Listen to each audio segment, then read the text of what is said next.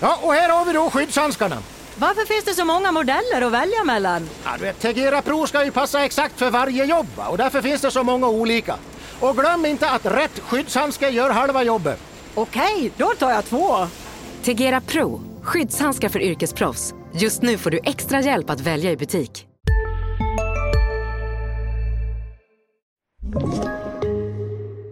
Sanny och Svensson är som alltid tillbaka på måndagar, ännu en gång med ett fullspäckat program framför oss. Det här är avsnitt nummer 54. Det finns några spelare, en del kanske inte de kändaste namnen, men några riktigt namnkunniga också. Vad sägs om Sebastian Ström, Henke Rommel, Felix Liljegren, David Tuppen Fredriksson, Anton Lindholm, Andreas Andersson, målvakten som hade det i Linköping, nummer 54, det är alltså liv på latin. Och vi känner ju till att Andreas Andersson spelade och var god vän med Stefan Liv, en av svensk hockeys absolut bästa målvakter genom tiderna. Och den bästa 54 vi har i svensk hockey, Jonathan Dahlén.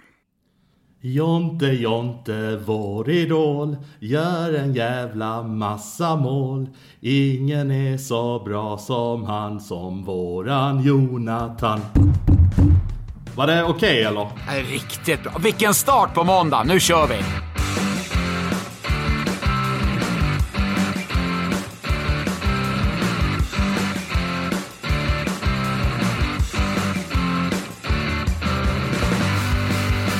Efter den eh, skönsången eh, så kastar vi oss rakt på ett annan kackelgubbe här som har kacklat på ett annat sätt. Eh, Djurgårdens sportchef Joakim Eriksson, han gick på hårt, hårt, hårt och hängde ut spelare. Ja, han hängde ut alla loser-mentalitet. Så här lät det i tisdags. När våra bästa spelare i spelet 5 mot 5 nästan är våra sämsta spelare när spelare som ska fylla upp luckorna efter Josefsson och Strandberg och får möjligheten till att göra det istidsmässigt nästan flyr från att spela kroppsspråksmässigt, inte vill ta tag i pucken. Ingen steppar ju upp och går i bräschen. Bobby Nadella, Retrak Tjerner, Dick Axelsson är bra i powerplay. Fullkomligt osynliga spelet 5 mot 5. För att inte nämna Vandell, Haga, Bergfors. Liksom den typen av Tom Nilsson, de som ska steppa upp, som är liksom i sin bästa prime-ålder. Bara försvinner, du ser dem inte på hela matchen.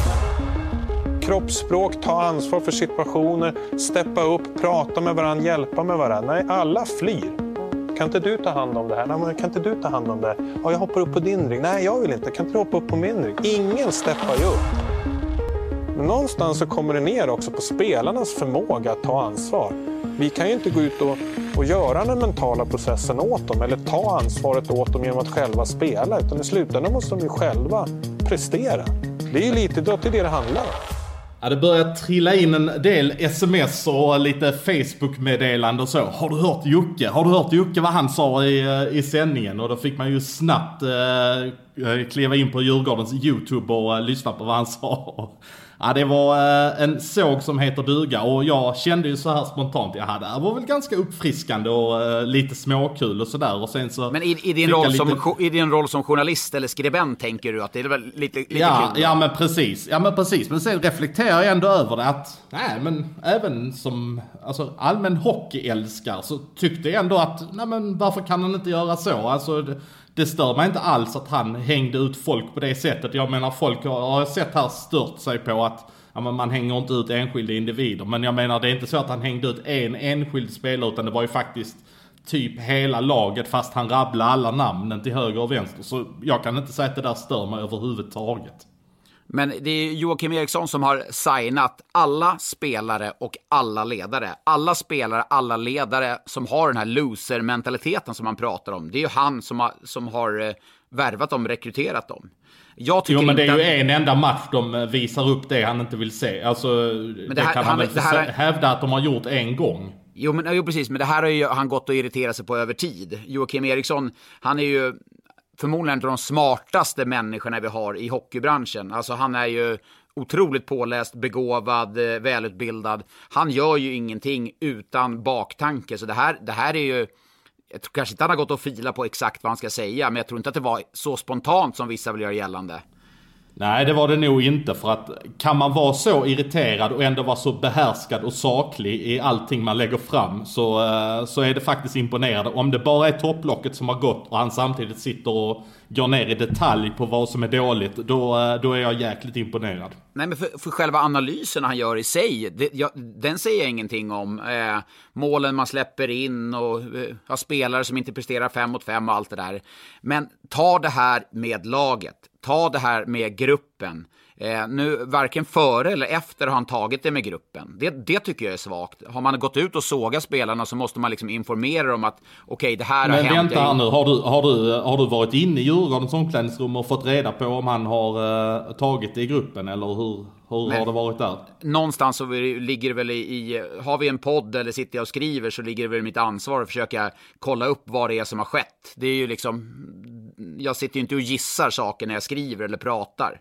Det sitter bland annat ett lapp i Djurgårdens omklädningsrum och det har det gjort i alla dess tider där det sitter det som sägs här stannar här eller det som sker här stannar här. Och det tycker jag är ganska tydligt för att i en grupp för att det ska, eh, man, man ska ha en utbildning framåt för att det ska gå den vägen man vill så ska, måste man ha det här berömda högt i tak, där man ska kunna diskutera saker. Samtidigt ska man som spelare känna att det är en frizon, att man kan på något sätt när man öppnar dörren till omklädningsrummet och stänger den så kan man släppa allt som är annat, utan då är det bara fokus på hockeyn. Här tycker jag att Jocke tar bort all trygghet som finns i ett omklädningsrum. Han gör spelarna mer oroliga, nervösa, sämre självförtroende, för det är, det är, de kommer inte från en period där de har vunnit åtta raka, torska två, utan de är, de är ju en period där de, de är dåliga och trycka ner dem ännu mer. Nej, det, jag gillar det inte alls. Eh, vad, eh, vad kan man göra som sportchef i ett sånt läge när man, bara ser, när man bara ser att det rinner på? Han kanske har varit inne tidigare och sagt ett par väl valda och nu valde han att gå den offentliga vägen. Det, det här kanske var en åtgärd av flera möjliga. Ja, men alltså, han har ju valmöjligheter att sparka spelare, förstår du vad jag menar? Om han tycker att han ser någonting, vill ha en, eh, någonting förändring i en grupp, ja, han kan ju gå in och sparka en spelare och säga du, du ska inte spela här. Det är ju liksom, han är ju ytterst ansvarig, han är chef. Han, han kan ju indirekt och, han kan ju sparka Robert Olsson, vilket såklart han inte kommer göra. Men han, har ju, han sitter ju på den eh, makten. Om inte han tycker att gruppen reagerar på det han säger, om han nu har varit inne och rivit runt i omklädningsrummet sex gånger och, och han upplever att spelaren kanske slutar lyssna på honom, då får han fundera om han ens ska vara i omklädningsrummet, vilket jag tycker att Jocke Eriksson absolut inte ska vara, för han slukar energi, han ger inte energi. Eh, då får han ju ta till den livlinan och sparka någon för att få en reaktion i så fall. Hur tror du att, äh, att tränarteamet äh, Robert Olsson reagerar när, äh, när han får se detta förekomma på deras officiella YouTube-kanal? Jag tror han blir jävligt förbannad. Eh, och Jocke har ju en, han jobbar ju väldigt nära, för nära skulle jag vilja säga. Jag vet ju att det, eh, Tidigare fanns det ju en önskan om att inte ha Jocke så nära laget, just eh, av att kanske inte ge den här energin till gruppen, eh, blanda sig i väldigt mycket vad tränarna ska göra, powerplay-uppställningar och sådana saker. Eh, jag tror att därför ska man hålla honom borta. Och jag är inte säker, nu kanske jag går lite väl långt, men jag vill ändå lyfta den här tanken att Robert Olsson förhandlar ett kontrakt med Djurgården. Och det var så gott som, det, det, det, är alltså så gott som klart. Man är mer eller mindre helt överens om vad ja, det som gäller i det avtalet.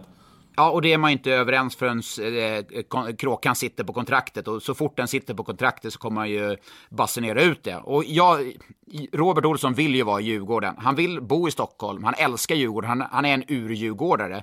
Det är klart jag förstår att han vill träna Djurgården. Men jag tror när han bemöts av det här eller ser det här så tror jag jag tror att det kan vara en så här, fan, jag skiter i det här. För det är inte så, så att han får av Jocke de bästa lagen att sätta på isen. Utan titta på Djurgårdens lag. Ja, men det är väl ett lag som ska kravla sig in till en eh, åttondel kanske. Topp 6? Absolut inte. Topp 6 är alldeles för bra för Djurgården. Du tror att det som driver kvar eh, Robert Olsson i Djurgården är egentligen då att han vill träna Djurgården, att han tycker att det är skönt att bo i Stockholm, att det är hans drömjobb sen han var liten. Ja, det tror jag. Eftersom han är uppvuxen på, på ståplats och har spelat i Djurgården och är en ur-djurgårdare. Så det, det, är klart att, att när, och fått chansen att träna i Djurgården, men samtidigt, han ges ju inte de bästa förutsättningarna, har egentligen aldrig gjort det, eh, fått de förutsättningarna som många andra lag har. Och det är såklart, det, det är inte Jocke Erikssons ansvar eftersom Djurgården äger inte en arena, man har inte den ekonomin som andra föreningar har. Eh, man får vrida och vända när spelare kanske, typ Marcus Ljung, Eh, den typen av spelare. När de blir för bra inom situationstecken så kommer HV och hugger nu Linköping. De har ju inte pengar att konkurrera, så att det är inte Jockes fel. Men jag tror att jag tror att den här knäppen, jag undrar hur Robban Olsson tänker i det här fallet. Det skulle inte förvåna mig om han nu kanske blickar mot, som jag har varit inne på, varför inte Linköping till exempel? Ja, intressant att du nämner det med tanke på den här informationen vi ändå sitter på att det ska vara mer eller mindre klart att man... Men det är precis som du säger att eh, det finns ju ingenting skrivet förrän det är skrivet så att säga. Men då är det till nästa fråga. Djurgården, supporterna är såklart oroliga. Behöver man oroa sig för lagen bakom? Behöver man oroa sig för kvalspel? Nej, jag skulle inte säga att... Jag, jag vet ju att jag, jag skickar ut den här bottenstriden på Twitter efter varje omgång för att eh, markera lite grann var de här fem lagen i botten ligger till. Och det, det är för varje omgång som går nu är det ju mer vanligt förekommande att djurgårdar börjar fråga varför blandar du inte in Djurgården i det här? Och det skulle jag vilja säga att de har 50 poäng efter 38 matcher. De har alltså 14 matcher till på sig att spela och man kommer behöva någonstans mellan 58 till 62 poäng någonstans där för att undvika kval.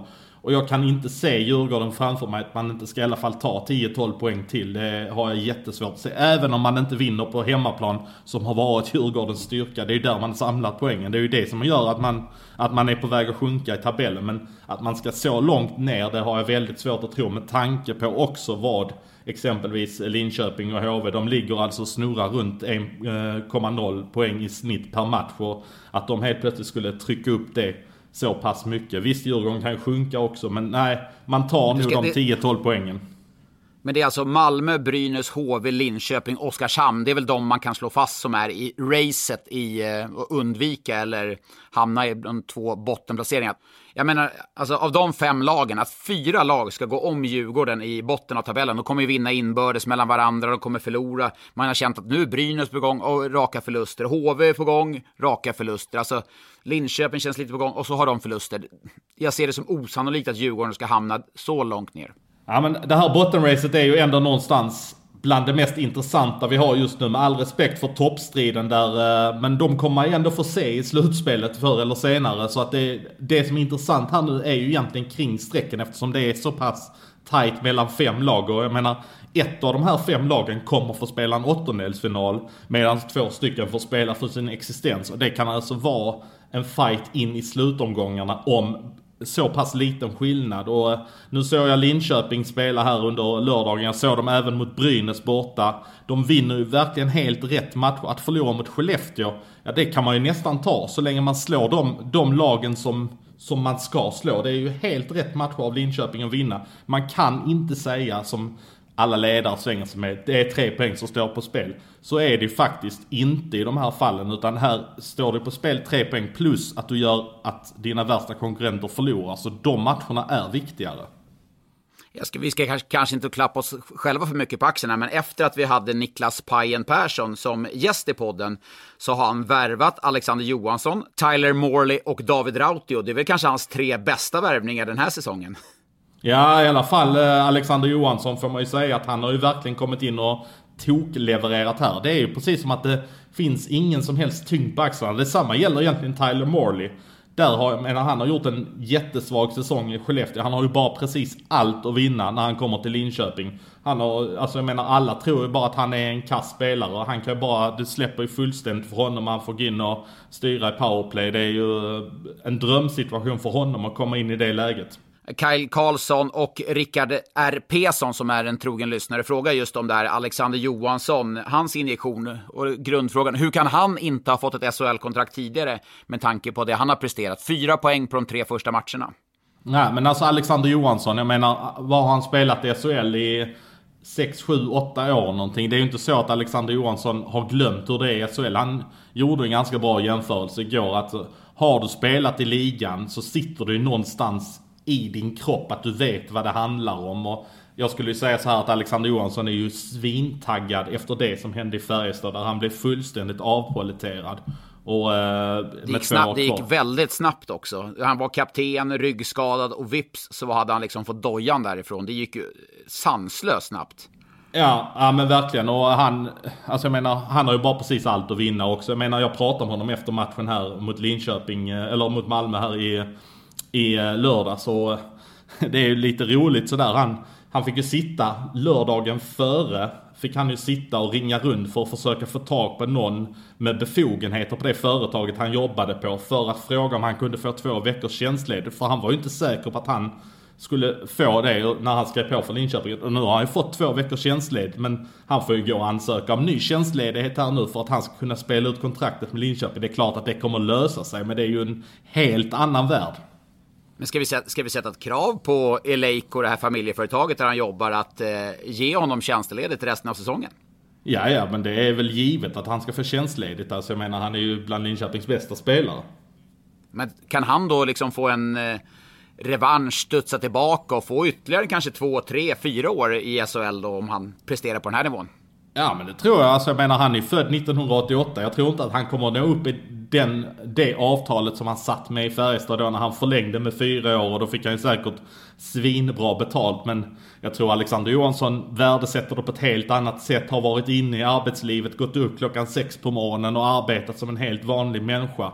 Eh, att han bara får spela hockey som proffs värdesätter han ju nog svinhögt. Och, eh, bara att få åka in på en SHL-rink igen fått spela i Tyskland ett år och så eh, Halmstad då, division 1. Jag menar, jag är inte säker på att han någonsin trodde att han skulle få beträda en SHL-rink igen. Nej, det är härligt. Och han kom med som positiv energi också. Vi gjorde en intervju med honom där i samband med Brynäs Linköping. Han var...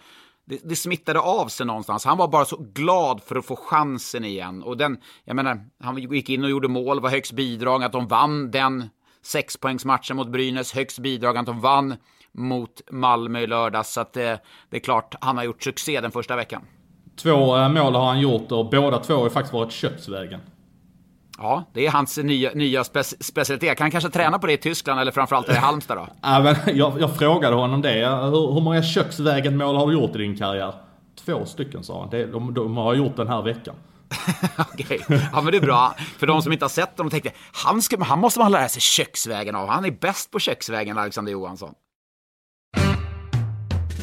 Alexander Johansson är en, som sagt en stark värvning från Linköping. Lite från hockeyns bakgård, Hockeyettan med all respekt för den. Men Malmö däremot, när jag såg dem mot Linköping när de mönstrade sin första powerplay-uppställning. Patrik Hashley som back. Pumple, vilket skott han har. Howden, Johnson, Veleno. Men du, alltså det, det, är ju en helt ny första uppställning man har värvat i powerplay under säsongens gång här. Det är ju det är en bra, bra uppställning också. Ja, ja, alltså på pappret ser det ju jättebra ut. Men eh, det, det är ju det som jag... Jag hävdar ju det ganska tidigt på säsongerna att när, när man tippar tabeller och sånt här, alltså det är ju fan helt Nej, omöjligt. Det går ju inte. Nej, det alltså det är helt omöjligt för att, alltså, alltså jag menar hur ser trupperna ut i augusti kontra hur de ser ut i februari? Det kan vara förändringar på uppåt 7, 8, 9 gubbar i vissa lag. Alltså det är ju, det är ju alltså 40% förändring i truppen. Det är någonting helt annat som står på isen nu. Men eh, nej, det funkar ju inte alls mot Linköping. Det var, men det var ju inte tack vare de här spelarna utan det var ju mer att försvarsspelet, jag tyckte det var eh, Ja, de såg stressade det var, det, det var slappt, det var slappt. Men samtidigt, man har inte spelat på tre veckor. Jag vet inte hur träningarna har sett ut och hur man har liksom laget så, men det är en tuff match att börja mot Linköping, en, en, på något sätt en måste-match. Malmö kommer ju liksom vara med i racet hela vägen in. Men det är helt andra förutsättningar man går in i avslutningen med säsongen nu. Ja det är det ju verkligen. Alltså att man kan mönstra eh, de här eh, nordamerikanerna och så tvillingarna Westholm, Emil Sylvegård, Karl Persson har kommit igång. Men Karl Persson hade faktiskt minus fem mot Linköping. Så han, han har ju klarat av sin sämsta. Corsin då? Såg du Corsin? Nej det gjorde jag inte. Nej, man får inte prata om plus minus nu. Det, det är liksom, jag, jag reagerade också på att han har minus fem, men du brukar alltid säga ja men han har bra course i alla fall. Så att, ja, men mig, hur ofta, kollar, hur ofta kollar... ser du minus fem i en match? Då, då måste man ändå reflektera över det. Ja, nej, det, jag satt och kollade på matchen. Jag gjorde eh, Färjestad mot Örebro och så kom jag hem och satt och kollade på den i efterhand och då hade jag redan kollat statistiken och så kan det verkligen stämma? Och då, jo, mycket riktigt. Det var en tuff match för Karl Persson som i övrigt har varit bra här på slutet. Ja, men eh, det är inte bara Malmö och Linköping som är inblandade i den här bottenstriden. Vi har ju även Brynäs och där eh, noterar vi ju att en urless Peter Andersson står i en intervju efter matchen mot Frölunda. En intervju med Johan Edlund eh, som Edlund skötte förbannat bra med en less tränare. För det är inte lätt att stå där när, när det är en less tränare som bara vill försvinna därifrån. Men både Peter och eh, Johan Edlund gjorde det faktiskt jättebra. Och Peter fick ju ändå ut sitt budskap att han är ju inte nöjd med hur det här har hanterats med Brynäs spelschema. Och det har ju vållat känslor här på Twitter. Det är många som tycker att Peter har den största offerkoftan av, all, av alla tränare, av alla i SHL. Medan många Brynäs tycker att det här är orättvist. Det här det, det är ju inte rättvist med, med skadebiten och med tajt schema de har. Det är ju förutsättningar som, som man inte visste när man gick in i säsongen. Och det, får det jag bara, får jag bara bryta där med Brynäs skador? Uh, jag, jag reflekterar ändå över det. Alltså skador sker och det är jättetråkigt när det sker. Men en reflektion jag ändå har är att när det gäller Brynäs skador. Det är Simon Bertilsson, det är Emil Molin, det är Greg Scott, det är Anton Redin. Hur många SHL, fulla SHL-säsonger har de här spelarna haft någonsin i sina karriärer? Det är jätteduktiga hockeyspelare. Men någonstans är det ju väldigt sköra spelare och där, där är någonting som skaver i mig att det alltid är samma spelare gång på gång som är skadade i det laget. Jo, jag hör vad du säger, men eh, det är liksom i det här fallet, eh, det är inte så att de har överbelastningsskador, utan en bruten handled, det kan ju hända. Bertilsson, på sättet han spelar, nu var det visserligen på träning, Greg Scott, hjärnskakning. Alltså, ja, liksom... jag visst, alltså jag, jag, jag hör vad du säger också, att det, det, det, är, det är mycket oturskador, men det, är, det, det, det slår mig ändå att det alltid är samma spelare som hamnar i de situationerna. Ja, nej, men du, du, har en poäng, men det är Brynäs är ett lag som engagerar. Eh, när vi ställer frågan, mycket frågor om Brynäs, Isak Östlund och Martin Rogne är inne på samma tema. De undrar vem som ska ersätta Micke Sundlöv som sportchef. Finns det egentligen några tänkbara ersättare, frågar Isak Östlund. Och Martin Rogne undrar vem som är Brynäs drömnamn som nästkommande sportchef. Oj, ja men får, får jag lov att lansera ett drömnamn för, eh, för Brynäs? En som jag tror ändå har någonstans ett Brynäs-hjärta. Det är ju faktiskt en av dina kollegor, Niklas Wikgård. Skulle inte han vara ett drömnamn och en gång för alla ge sig in i klubbvärlden? Ja, ja, varför inte? Jag tror att Niklas är nog kanske mer 20, utan att ha pratat så med honom, men, men alltså prata med honom har jag gjort, men utan att att vi har pratat just specifikt om sådana saker så, så kan jag tänka mig att den rollen skulle kanske attrahera honom mer och jobba med liksom stora frågor än att jobba med backhandpassningar, om du förstår vad jag menar. Ja men precis, och jag, jag, tror att Wikegård är ju, han och Peter Andersson skulle nog klicka hur bra som helst. Eh, han har en relation med målvaktstränaren Micke Andreasson. Där finns ju ett team runt Brynäs som jag tror attraherar Wikegård så inte han behöver komma dit och säga den här tränaren har inte jag plockat in, den här tränaren vill inte jag ha. Utan där finns ju ändå någonstans, för Brynäs kommer ju behöva bygga kring Peter Andersson och hans filosofi och det teamet han vill ha runt sig. Så jag tror att det attraherar Wikegård, plus då att Wikegård bor i Sigtuna och det är ju inte jättelångt att åka till Gävle därifrån. Vad kan det ta? En timme och en kvart eller någonting? Ja, ganska exakt. Eh, och eh, det, jag intervjuade Mikael Campese som är klubbdirektören där i samband med eh, Brynäs mötte Linköping i tisdags. Och eh, jag ställde ju frågan då om Micke Sundle var ett namn och det lät ju ganska som att det var huvudspåret ändå. Och då känner jag så här, vad har Mikael Sundlöv gjort de här två åren för att få ett nytt kontrakt? Förutom att han är en Brynäs-ikon. Är du med vad jag menar? Eh, det är, det är inte så att han har levererat klockrena värvningar, ett lag som har blivit bättre och bättre, utan det har ju faktiskt gått åt fel håll. Det får man faktiskt vara ärlig och säga.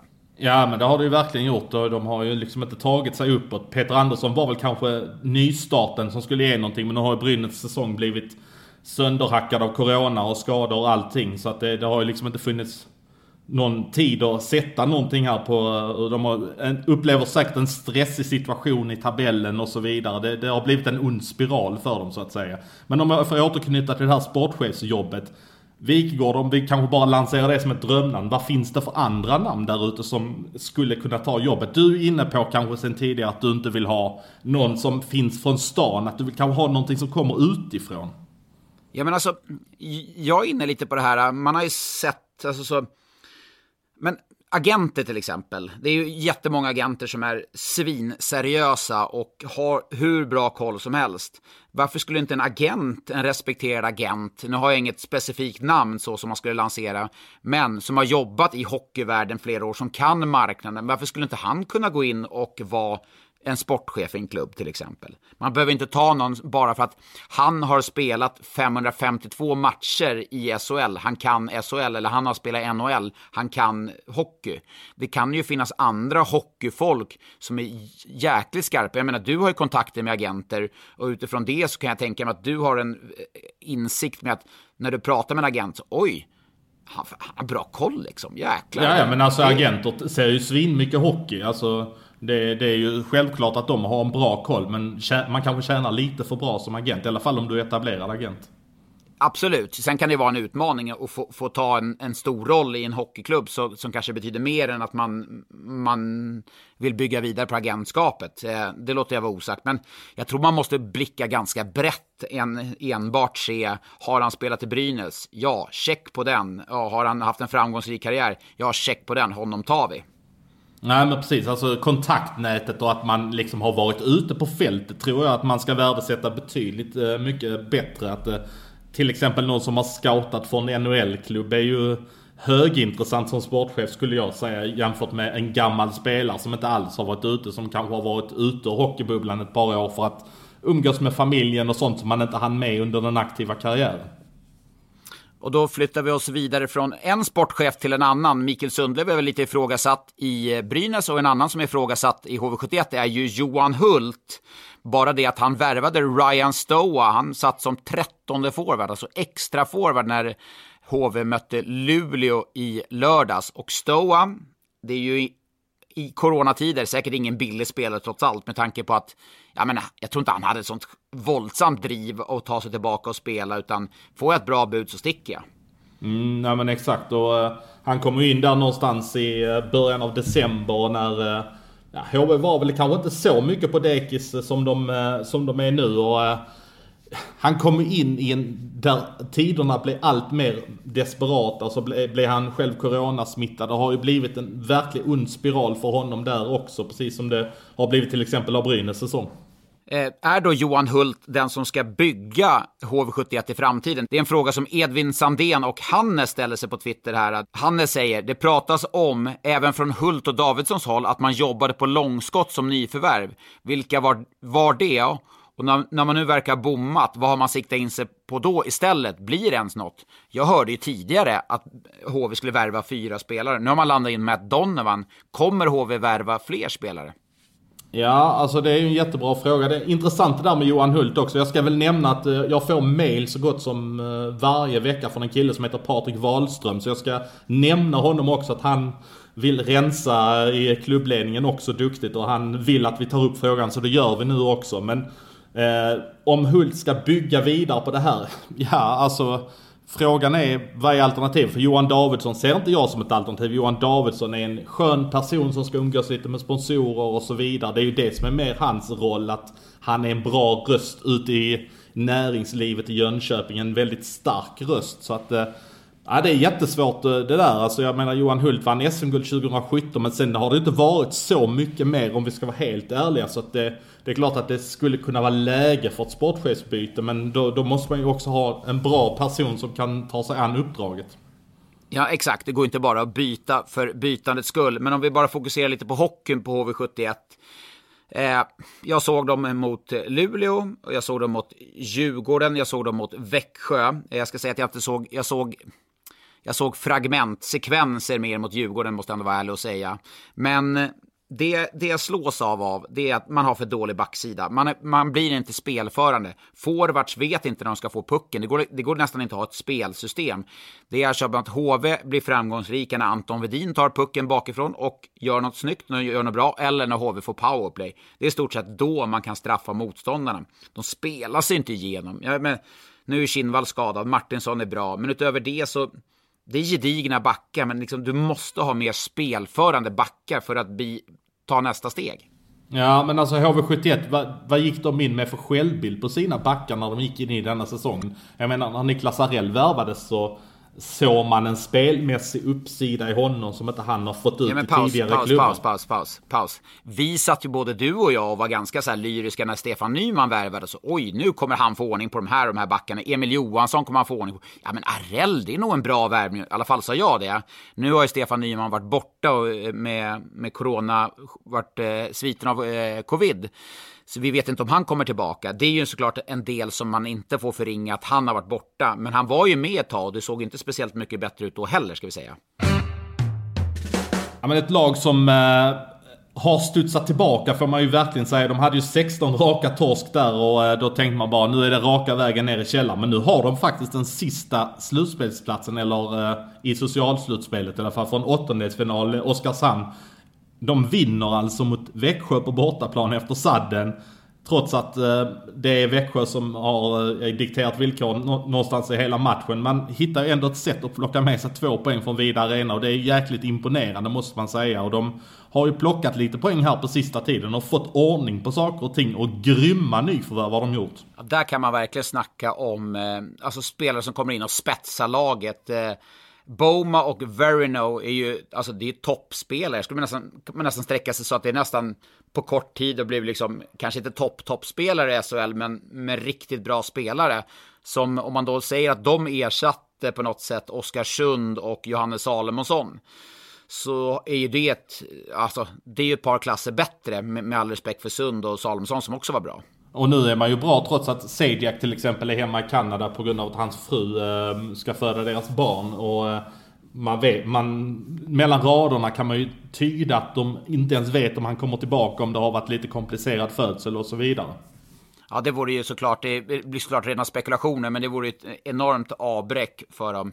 Men det är David Pettersson har skickat en fråga här.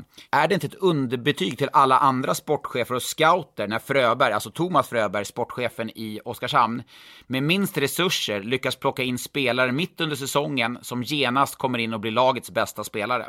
Ja, det, jag skulle väl nästan säga att det är väl lite grann av ett lotteri det här att plocka in spelare under säsongen. Jag menar, Ryan Stoa såg man ju hur han hade levererat på SHL-nivå tidigare. Det får man väl ändå säga att det ansågs som ett säkrare kort än Lance Boma som kommer in i Oskarshamn. Alltså jag menar, vad, vad är det som säger att, att Lance Boma skulle lyckas i SHL bättre än vad Ryan Stoa med tanke på hur Stoa såg ut förra säsongen. Så att det är ju, det är ju skitsvårt att säga det. Jag skulle nästan vilja hävda att det är ett ganska stort lotteri men någonstans så har ju ändå Fröberg visat en jäkla fingertoppskänsla när han har då landat Verino och, och Boma och, och de verkligen har satt det avtrycket de har gjort direkt. Men jag menar de kom också in i en situation då laget hade alla de här förlusterna, då allting bara kunde bli bättre. Fick en superstart, vann borta mot eh, Djurgården där på Hovet. Eh, gjorde väl någon av dem mål direkt i debuten vill jag minnas. Och ja, sen har det väl egentligen bara rullat på. Men eh, Boma och Verino, de kostar ungefär i runda slängar lika mycket som Ryan Stoa. Och jag vill bara liksom på något sätt skicka en passning till dig där Johan. Det handlar ju... Det var ju inte en chansning, säger du, med, med Stoa.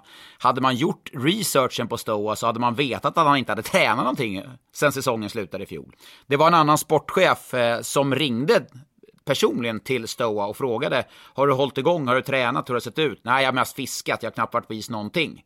Så hade, hade HV71 gjort den researchen, du hör ju, du hör ju på vilken nivå. Jag, jag tror, inte att Stoa, jag tror inte Stoa ljög för den, för Hult, medan han sa en annan sak till en annan sportchef, utan han var ju bara ärlig. Ja, ja, men vadå, så han har bara undanhållit, alltså har Johan Hult ringt till Ryan Stoas agent och sen... Agenten kanske har sagt då att ja, men han håller igång. Han håller igång hur bra som helst. Ja, han håller igång i vattnet med fisket då eller? Ja, kanske det. det väl, nej, men han har, agenten har sagt att han är redo för att spela. För det är väl, liksom, det är väl cash in både för agenten och spelaren. Och så sagt, kasta det på ett plan, du ska till HV. Medan den andra klubben som hade ringt till Stoa personligen, eh, då hade Stoa varit ärlig och sagt att nej, men jag, jag har tagit det lugnt. Jag har fiskat mycket, jag har hållit igång lite, men inte varit på is. Så att det är klart att det tar tid för en sån som Stoa att komma igång. Och det får ju HV, det får ju de betala enormt för. Dels kostnad i lön och en underpresterande Stoa. Ja, verkligen. Det, det, är helt sjukt om det verkligen är så som du säger att Johan Hult verkligen inte har koll på att han inte har hållit igång.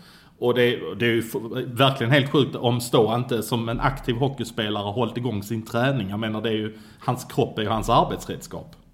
Ja, men eh, det är bara att se på hur han har spelat, hur han har sett ut och vilket fart han har haft. Det är klart att han kommer till HV för att spela sig i form och det är jag inne på. Den tiden finns ju inte och därför när man värvar spelare nu här i slutet för klubbarna, det, alltså de måste ju komma in och prestera direkt. Det finns liksom inte tid för att de ska komma igång och därför kanske det är bättre att ta en Alexander Johansson som ändå har hållit igång i Hockeyettan. Ja, men du var inne på Sejdiak där, och jag var inne på honom också. Eh, där hör man ju ändå att det är ett jäkla race kring honom att eh, inför nästa säsong, jag menar hans marknadsvärde har ju gått upp svinmycket här och ska han vara kvar i Oskarshamn så kan jag säkert tänka mig att de får dubbla de pengarna de fick lägga på honom när han kom från den norska ligan. Och jag hör ju att det är flera andra SHL-klubbar som är beredda att gå in i ett race mot Oskarshamn. Och vad ska Oskarshamn lägga på en sån kille egentligen?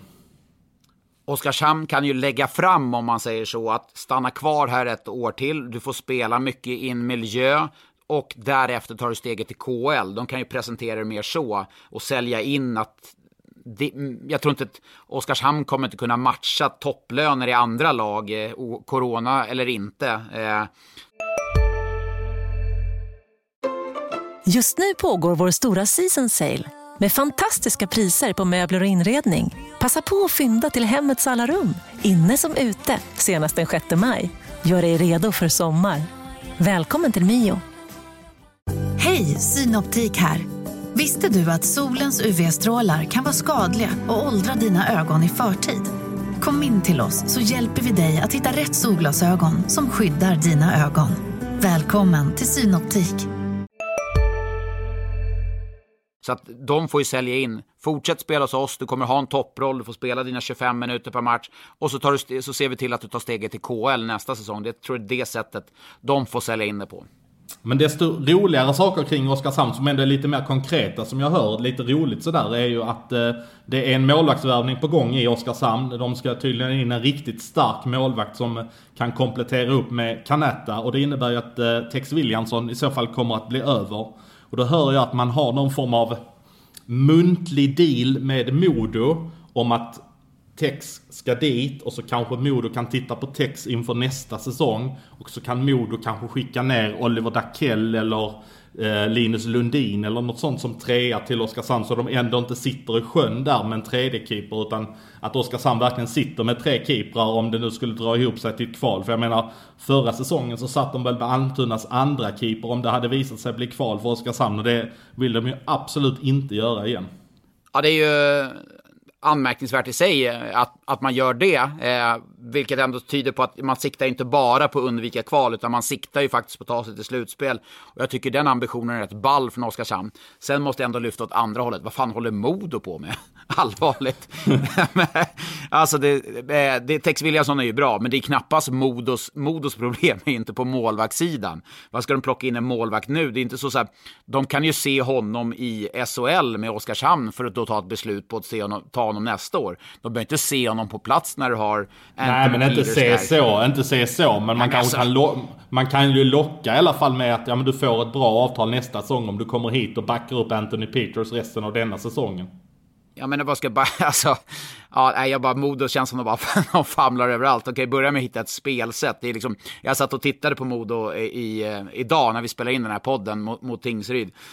Alltså, det, ursäkta att jag skrattar. Det är liksom när de spelar mot Timrå och Björklöven, när de inte behöver föra spelet, ja men då är de bra när de kan liksom på något sätt allt att vinna, men när de ska möta Tingsryd hemma och föra spelet, de har ju inte någon spelidé. Det finns ju ingen, det finns ju ingen tydlighet. De ska hitta en, liksom en, en tydlighet, ett, ett spelsystem med, mer än Tex Williamson på målvakt är jag faktiskt, ursäkta, det dummaste jag hört. Alltså, vadå, ska, de kasta, ska de kasta ut pengar på Tex Williamson mitt under säsongen när de inte kommer, de har ingen chans att gå upp. De, de kommer inte, nu kommer de inte få kvala, för så dåliga är de inte, men de, de kommer inte ta sig någonstans. Det är väl bara att lägga ner alla värvningsförsök och spar eventuella pengar nästa år.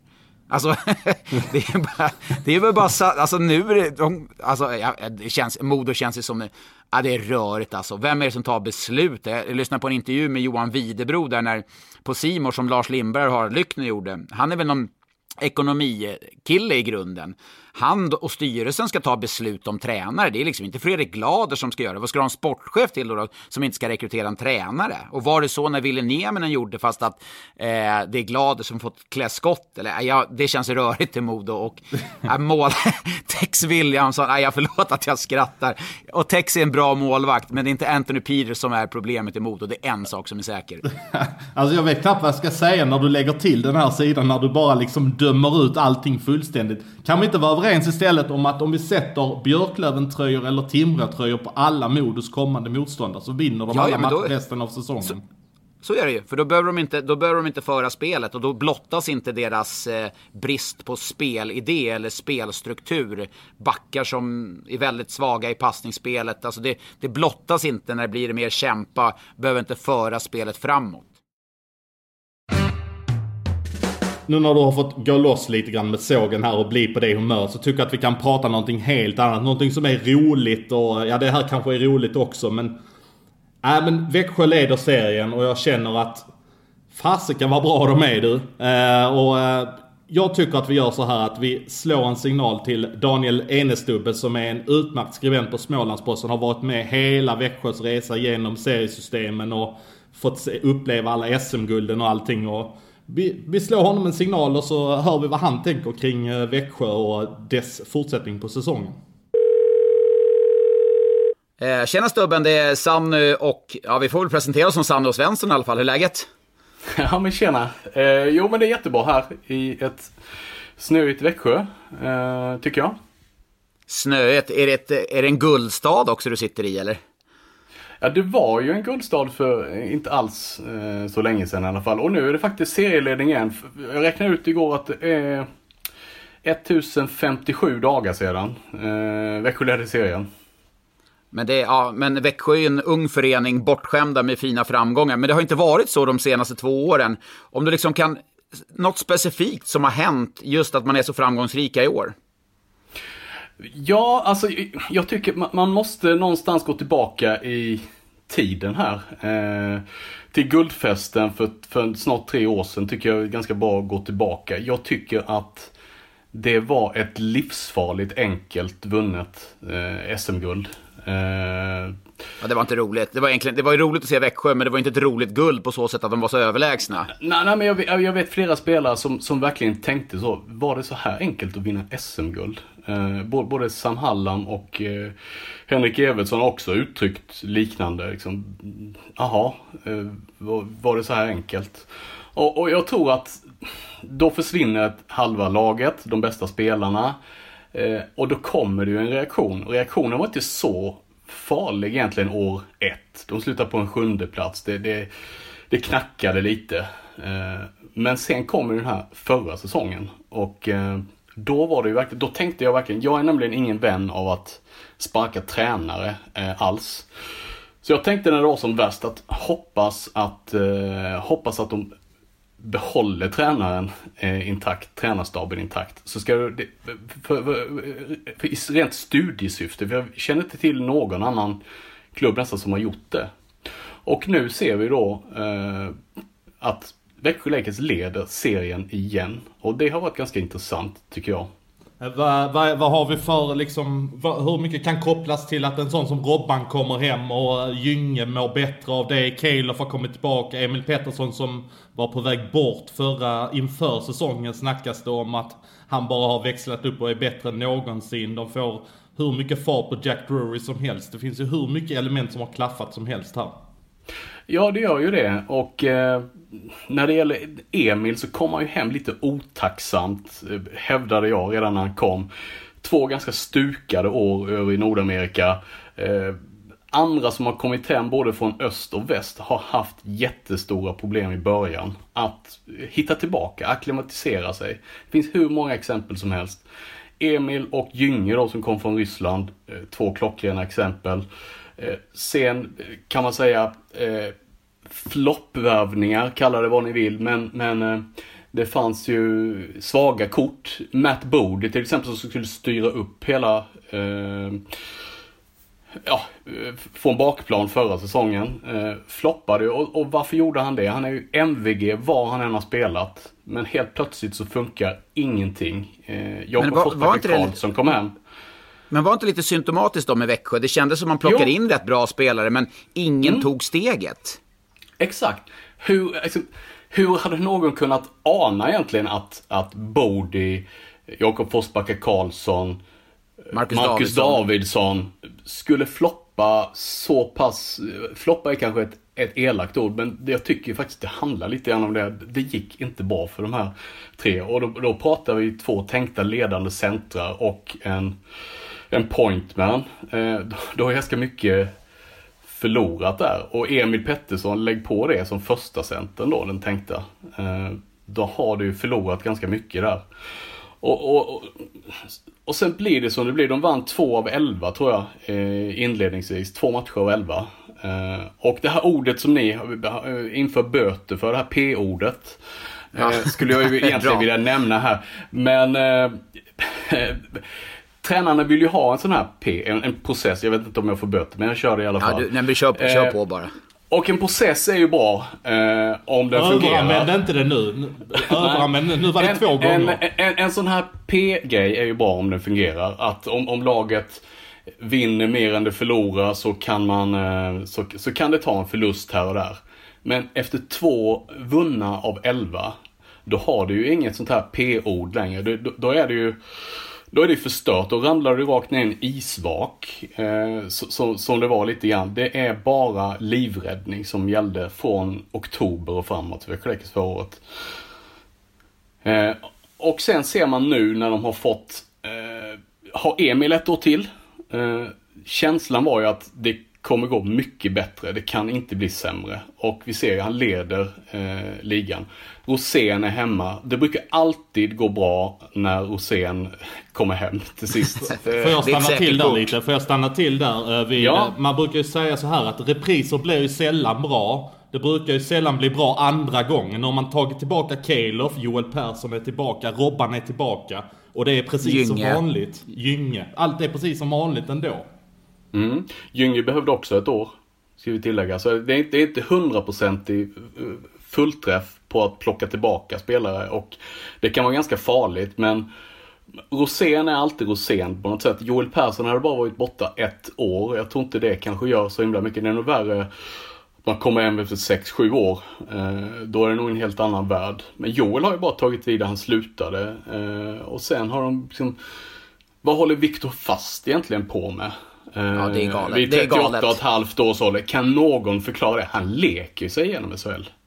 Eh, det är också sådana här grejer som är svår, svåra att förklara. Men man kan väl säga så att eh, allt går lite snabbare i spelet. Allt är lite bättre. Spetsen är lite spetsigare, bredden lite bredare. Backsidan utbytt syns tydligt. Eh, och det som jag tycker Sam Hallam är bra på eh, med sina lag är ju att trots att han har väldigt mycket offensivt skickliga spelare så kan han sälja in budskapet att, spela, att, att de ska spela tråkig hockey när det behövs. Mm. Riktigt, riktigt tråkig hockey, krympa ytor så. Han får även de bästa spelarna att göra det. Titta på hur Emil Pettersson spelar utan puck i år till exempel. Han vill ju tävla där också och bli bäst i Sverige på spelet utan puck. Men Eh, gud så tråkigt. Gud så trå- Spelet utan puck, Jo. vet du. Ja, men det, det, är det, det är det som är framgångsfaktorn. Det är ju det. Ja så men, är det. ja, men det, det är ju det. Och det, där tycker jag att Hallams eh, styrka ligger. Han får sjukt bra spelare att spela sjukt tråkig hockey när det behövs.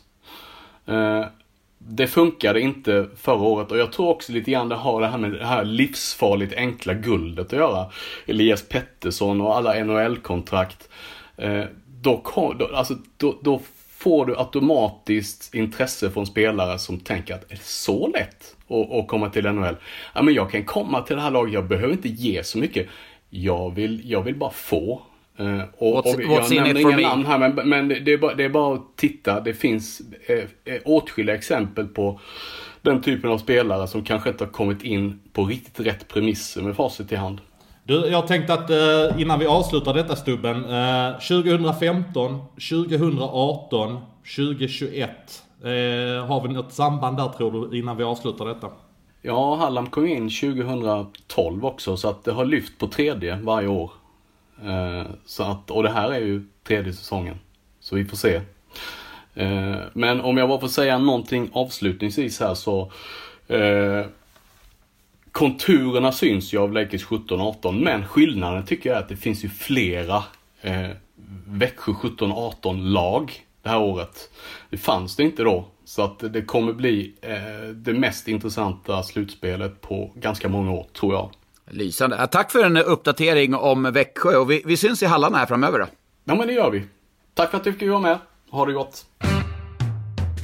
Ja, men vi har väl sagt i den här podden ganska många gånger att vi, de smyger med lite Växjö. Vi höjer ett varningens finger för dem, men det, det kan man väl sluta med nu. De är, känns ju som en favorit till eh, guldet faktiskt. En av, en, av, en av favoriterna får jag ändå säga, det är jämnt. Och ett annat lag som seglar upp och spelar riktigt, riktigt vass nu, det är Skellefteå. Nio raka segrar. Jag såg dem mot Luleå igår. Och 1-1 efter två perioder, en dålig match. Och sen var det bara som att Skellefteå, okej, okay, nu kör vi. Så vi går man och vinner med 4-1. Oskar Möller gör mål. Defensiven är stabil. Söderblom i mål är riktigt bra. Skellefteå har något jäkligt positivt på gång. Ja men verkligen och, eh, och det är inte det att de sitter på den fetaste truppen heller utan eh, de, eh, de maler på med det materialet de har. De har ju inte alls många forwards att tillgå utan de är ju faktiskt ganska skadekänsliga. Nu har de ju tur att man har allt det folket att tillgå och den här backen hur säger man? Roland McKeon eller vad säger man? Ja, kör, kör på det, kör på det. Jag, jag hade hoppats att du inte skulle, bara, att du inte skulle fråga det, men kör på det. Ja, för du, för du kan inte säga det. Vi, vi säger, vi säger jag, jag har inte gjort Skellefteå ännu nu sen han kom dit, så att då, jag har inte satt mig in i uttalsskolan här. Men jag får, när jag väl ska göra dem så, så måste jag självklart ta tag i det. Roland är ju inget kompatibelt namn för en nordamerikan. Nej, det är det ju inte, men det är rätt coolt ju. Roland och så fanns ju Lennart Petrell. Det var ju Lennart var ju också en favoritnamn. Roland och Lennart, det är ändå det är sköna hockeynamn. Ja, och vi får säga det att Roland har ju kommit in i Skellefteå. Han gjorde avtryck direkt när han kom in. Gjorde väl mål i första matchen. Ska vi, ska vi köra Rolle eller? Ska vi bara köra Rolle där eller? Ja men, ja, men, jag, nej, men jag, är, jag är faktiskt mer kompatibel med Roland. Det känns väldigt att, rätt för mig. Ja, men jag, jag, har inte träffat honom så jag vet inte om han är en Rolle liksom. Eller, men vi kör på Roland då. Ja, ja vi kör Roland ja. Ja men vad säger du om Skellefteå? Var, varför har de vunnit nio raka matcher? De har eh, tajta till defensiven. Eh, Skellefteå var ju som att när de tog avsats den här säsongen så var det att de spände ju bågen eller gummisnodden väldigt, väldigt, alltså de var spände och allt var offensivt. Man gick stenhårt i offensiven, skapade mycket lägen, men man släppte också till mycket lägen. Nu har man liksom, som det så fint heter, kalibrerat defensiven. En sån som eh, Oskar Nilsson, hur bra som helst. Petter Granberg är, kanske spelar sitt livs bästa hockey.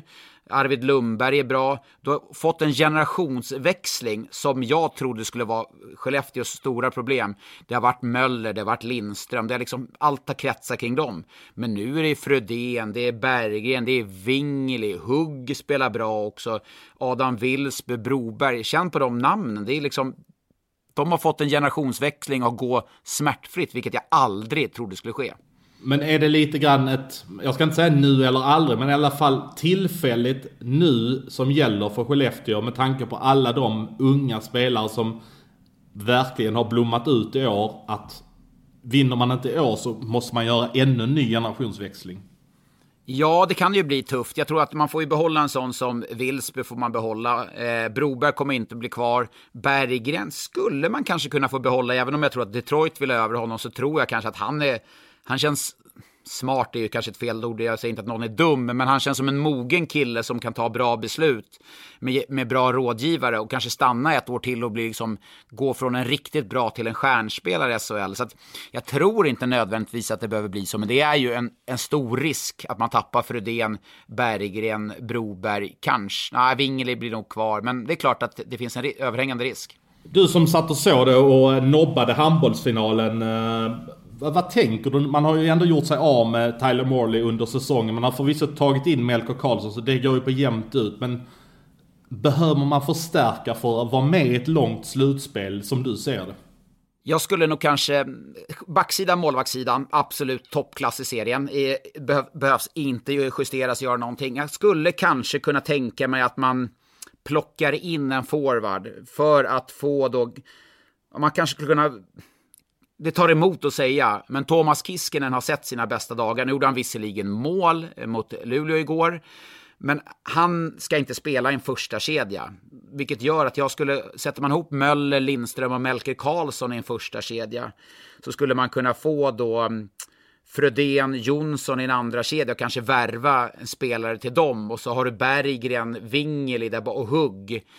Och det är kanske ingen tredje kedja, men du säger när man säger att det är en tredje kedja, då, då förstår du vilken nivå vi ändå pratar om. Och så har du en sån som Albin Sundsvik som spelar hur bra som helst efter JVM som leder en fjärde kedja. Så att du får ju tre toppkedjor om du skulle få in ytterligare ett namn. Och så kan du få Thomas Kiskinen då en fjärde kedja som en, som en nytt spelare, lite mer boxplay, defensiva situationer, då, då ser jag mycket, mycket väl att man kan hota vilket lag som helst, vilken dag som helst. Ja, för att man får ändå säga det att eh, sådana som Kiskinen och Jocke Lindström och Möller och Melker Karlsson, de har ju ändå varit med och vunnit eh, SM-guld tidigare. Kiskinen har aldrig gjort det i Skellefteå, men de andra tre har gjort det i Skellefteå. Jag menar Peter Granberg, Nisse Burström har gjort det tidigare. Så att de har ju en hel del folk med på det här tåget som vet vad det handlar om när man går in i ett slutspel. Vi såg eh, under den gångna veckan en imponerande insamling från Södertälje, sportklubben. Ja, jag vet inte vad den siffran på exakt nu, men över en miljon på ett dygn lite drygt. Det var ju alltså galet imponerande vilka fans de har.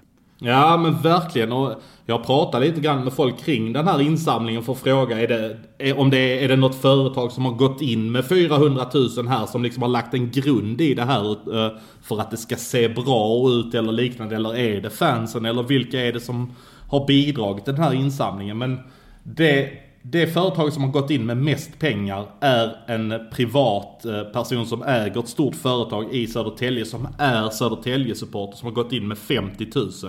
Det är den största alltså enskilda summan i den här insamlingen. Sen är det alltså folk som har gått in med en tusing, gått in med en hundring, gått in med en femtiolapp. Man har gått in med vad man har resurser till och Södertälje är ju verkligen en stad med kultur och tradition som som så att säga har väldigt många ssk i flera generationer som, som verkligen kan vara med när det brinner till på den här typen av saker. Så att det, det här är ju verkligen en genuin insamling från hela, hela staden.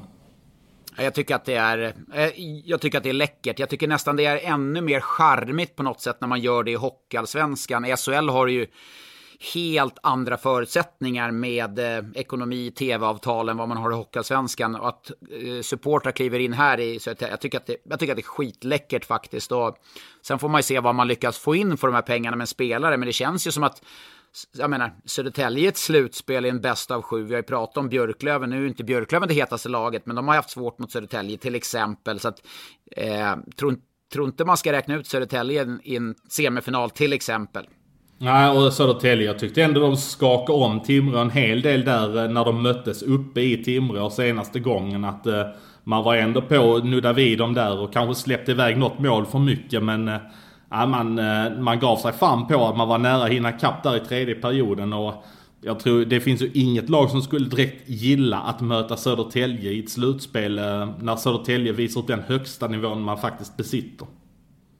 Men förra veckan så pratade vi lite om eventuella val i ett, i ett hockeyallsvenskt slutspel och jag flaggade lite för att AIK, det ska man hålla sig undan. Och det känns ju som jag har fått lite mera vatten på min kvarn där. Jag såg eh, AIK i eh, söndags, bitvis av den matchen, framförallt den första perioden, delar av andra perioden.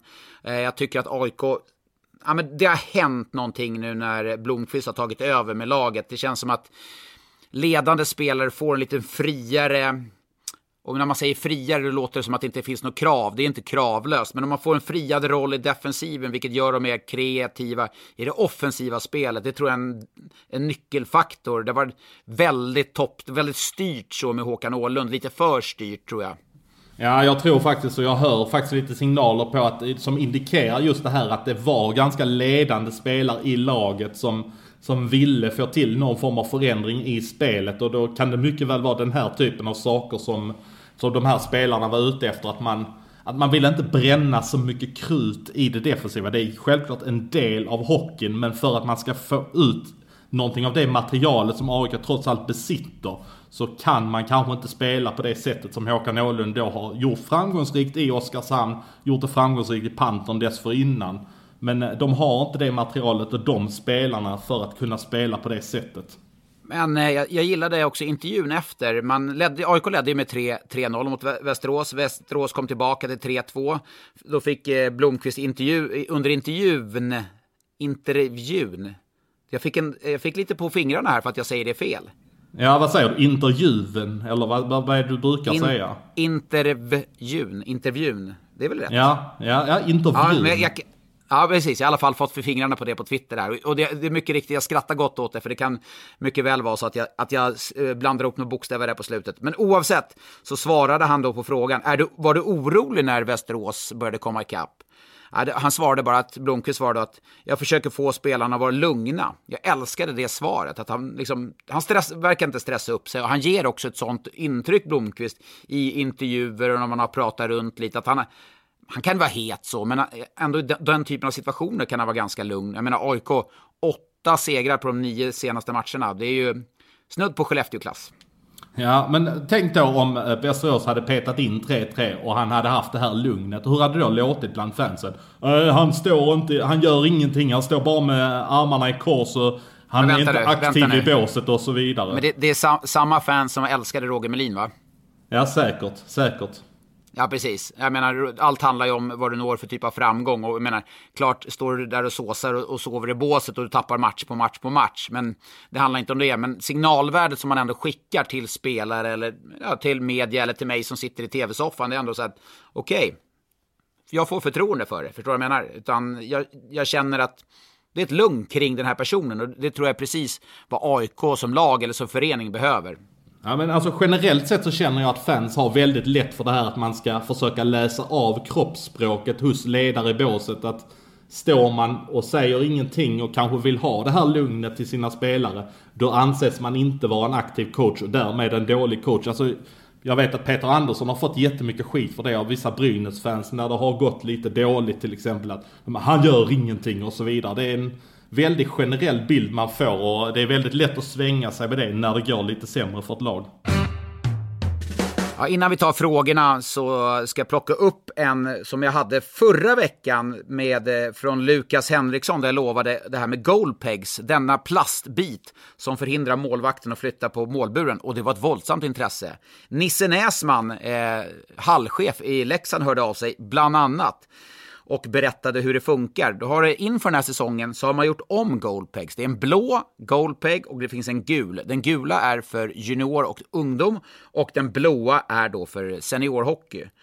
Eh, och det som har varit problemet på många ställen, är att goalpegsen, alltså den plastbiten som är nere i isen och upp i stolpen, den åker upp i stolpen när isen fryser lite, vilket gör att den delen som är i isen blir lite för kort. I Leksand då har man gjort så smart så man har svetsat fast på stolpen godkänt av SHL och Thomas Torsbrink bland annat. Så att den goalpegsen åker inte upp i stolpen utan den sitter fast i isen. Så efter att Niklas Urbin flyttade på målburen i, uppe i Leksand för ett x antal månader sedan så har man inte haft någon målbur flyttad. Och inte nog med det, nu kanske du sitter och sover Johan, men jag ser ändå att det, det, det är en strimma av intresse på ditt vänstra öga. Eh, det här var en annan som kontaktade mig då i en SHL-förening som hade fått då eh, hans ämbete i den tränartrojka som han ingår i. Med, han hade pratat med de alla andra tränarna i sin genre och då hade de tittat på respektive målbur, vad de hade för goalpegs och det är alltså de blåa som ska vara. Och i en arena, hör och häpna, så satt det en gul goalpeg. Det har alltså satt, spelats SHL-match med en gul goalpegs. Det är för junior och ungdom. Hör du så lat? Nu, nu såg jag att du, att du tände till lite Johan. Ja, vilken arena var alltså det då? Vilken arena var det då? Det, det, fick jag absolut inte säga, så det, behöver jag inte, det, det lovade jag den här personen att inte säga. Så det, det, det lämnar vi därhän, för att den, det lovade den personen. Men det som är att de här blåa goldpegsen ska användas, och när de används riktigt, och som i Leksand och Färjestad bland annat, man har gjort ett stopp i målburen, så sitter målburarna på plats. Så alla ni som undrar över goldpegs, nu har ni fått svaret. Du är nästan chockad efter det där. alltså, ett, tag där satt jag och bara bläddrade igenom flödet här och tänkte nu, när ska han sluta äh, babbla? Men jävlar vilka research du har gjort du. Har jag lovat i det här fallet Lukas att kolla upp det här så gör jag det. Det är ju, och Goldpex, det är ju en, men det är, jag har en kärlek för Goldpex efter den här veckan. Det är så mycket, det finns så mycket runt Goldpex, du anar inte. Det här är bara en del. Jag ska ha en egen Goldpex-podd efter det här. men du, en fråga från Masjävel här. Den här är lite intressant tycker jag. Uh, en fråga till oss båda då. Stöten slash Sälen versus Åre. Oj, ja, jag, är ju, jag är ju jättesugen på att hitta någonting i Sälen eller Stöten. Eh, så att jag, jag lägger min röst på det. Och det har ju ett geografiskt eh, eh, Eh, fördel för mig kontra Åre. För det är, från Karlstad är det ungefär tre timmar upp till Sälen och det är ju det dubbla och lite där till till och med upp till Åre. Så att eh, därför är eh, Sälen stöten till fördel för mig. Ja, och jag får väl säga att jag är ganska färgad i det här. Jag har varit i Åre de senaste somrarna, kanske sedan 17-18 år tillbaka. Och har faktiskt precis köpt mig en bostad i Åre som jag faktiskt befinner mig på exakt just nu. Och då kan man fråga sig hur man kan transportera sig till Åre i coronatider. Men eh, nej, det var ett inköp jag gjorde för ett och ett halvt år sedan. Så jag var tvungen att faktiskt ta hand om min bostad här uppe nu. Så att jag befinner mig faktiskt i den nu och här är jävligt mycket snö. Men jag ska undvika att ge mig ut i backarna här nu utan jag ska faktiskt hem till Skånederbyt här under tisdagen. Utan jag har bara uträttat lite ärende, sen ska jag hem illa kvickt. Vilken, då ses vi ju på, på tisdag, du och jag. Jag ja, vad härligt. Vad härligt. Det... Hus, hus 57 ses vi där som vanligt. Ja, men det kan väl vara trevligt kanske att ses där. Det blir ingen podd dock mitt i veckan, men vi har spelat in poddar förut. Eh, vi har ju tagit mycket av frågorna i själva podden och ämnena är uppbyggda på det ni har undrar över till stor del. Men Slenderman frågar en eh, fråga här. Om vi leker med tanken att både Malmö och Timrå spelar SHL nästa säsong och att Magnus Peijärvi vänder hem till Sverige igen, vart är det troligast att han hamnar? Oj, det är en bra fråga för att han har eh, jäkligt skarpa känslor för eh, båda klubbarna. Men jag tror ändå att eh, jag skulle nog säga att eh, nog lutar mer åt Malmö faktiskt. Han har aldrig spelat SHL-hockey i Malmö tidigare och han är ju ändå bosatt i Skåne. Det är ju liksom hans utgångspunkt någonstans. Och det, jag, skulle, jag skulle lägga mina pengar på det men det är inte så att Timrå på något sätt skulle vara ute ur leken. Lek med tanken. Anton Lander kommer hem. Peijärvi kommer hem. HV åker ur. Ursäkta alla HV-fans. Anton Vedin ansluter till Timrå. Det är rätt bra första kedja. Ja, och så Jonathan Dahlén på det då. Just det, han får gå en andra kedja. Men, ja, men, men då får vi Elias Pettersson komma hem också då. Eller Emil Pettersson ja. har ju utgående kontrakt ju. Ja, och då, ja, men då får jag nog snöra på med skridskorna och, och göra comeback också känner jag, med det laget. Äh, grymt intresse för frågorna och vi har som vanligt lyft upp det mesta. Grymt intresse för, faktiskt från eh, många klubbar. Vi försöker ta med så mycket som möjligt. Det är grymt svårt. Det är många som är engagerade i det här men vi försöker fördela ut det jämnt så att eh, ingen blir utan. Men nu du, nu har du tagit två raka femmor här och eh, ja, ska det bli en tredje raka femma? Du, du känns ju stekhet. Det känns som att du bara gör, eh, du fullständigt tar död på den här tävlingen mellan oss. Så eh, jag räknar inte längre för jag räknar med att du leder stort här nu. Men vad vill du, vad vill ge, du ha? Ge mig en klubb. Johan, ge mig en klubb nu. Ge mig en klubb. Jag vill ha en klubb. Ja, då kör vi en klubb då. Då ska vi se här, ska vi ta fram det. Jag höll på att säga, då ska vi ta fram permen, men så illa är det ju inte. Eh, på fem poäng då. Här är Anna en mycket uppskattad materialförvaltare. Hon är en av få kvinnliga vi har i Sverige. När man nämner materialförvaltare i denna klubb bör även Sares nämnas. Eh, jag klämmer fem poäng på den här. Ja, då eh, vill vi höra, eller vi vill se vad du har eh, skrivit på lappen. Då tar vi fyra poäng. Vi har fått ett svar från Sunny. Stolthet, hjärta och tradition sedan 1923. Det finns fyra nummer i taket. 1, 10, 19 och 20. Oh, nu, vart jag, nu vart jag osäker. Ja, men eh, ge, ge mig tre poäng. Nu vart jag osäker. Ja, ja du verkar väldigt säker där på femman. Vi får se om du fick lite skalle där. På tre poäng. Sonen till en av klubbens största spelar numera i KL. Han har även varit i Buffalos organisation. Men jag säger inte pappans namn för då blir det för enkelt, så den får du på tvåan. Jag kan ge dig övriga fem som spelat flest matcher för klubben.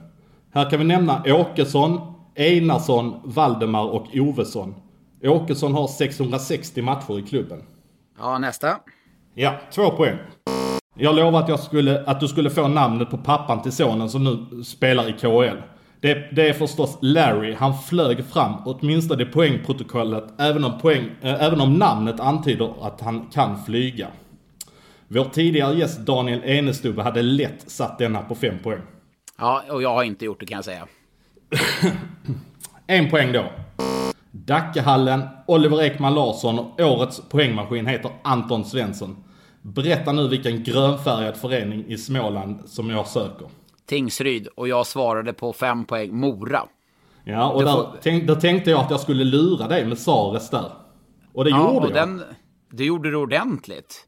För ja. Johan Sares är ju en, en riktig legendar i Morakretsar. Och tänkte jag, den var enkel. Och just när du pratar materialare, som en gammal materialarson, så Johan Sares, det var för enkelt. Men ja, den gick jag bet på. Den, snyggt. Well played, Svensson. Well played. Ja, och där pratar vi då, eh, när du pratar om den kvinnliga materialförvaltaren, så är det Anna Berglund som eh, jag uppskattar enormt mycket. För jag kan ringa henne varje sommar när vi gör bilagorna på Expressen och få in de senaste nummerna som, eh, som är satta i, i klubben där och få dem levererade. Hon är sjukt noga med att det ska vara rätt nummer i Tingsryd. Och eh, hon arbetar tillsammans med en annan eh, materialare som faktiskt heter Sares i efternamn också. Men det är inte den Sares som du eh, söker utan det är en annan Sares.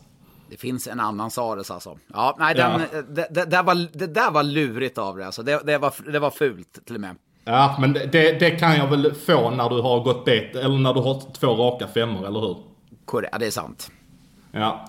Nej, men uh, det var Tingsryds AIF som vi eftersökte och jag tyckte det var lite intressant att ta dem nu eftersom Enestubbe var vår gäst i uh, programmet och han har ju bevakat dem i många år också. Vi får se var de tar vägen. De slog ju ditt uh, älskade mod höll jag på att säga här under söndagen. Ja, det hade de ju aldrig kunnat gjort om de hade bytt ut Anthony Peters mot Tex Williamson. Nej, du, vi tar och eh, stoppar där för eh, denna veckan och så hörs vi väl eh, nästa vecka igen hoppas jag. Det gör vi. Ha en bra vecka. Hej då!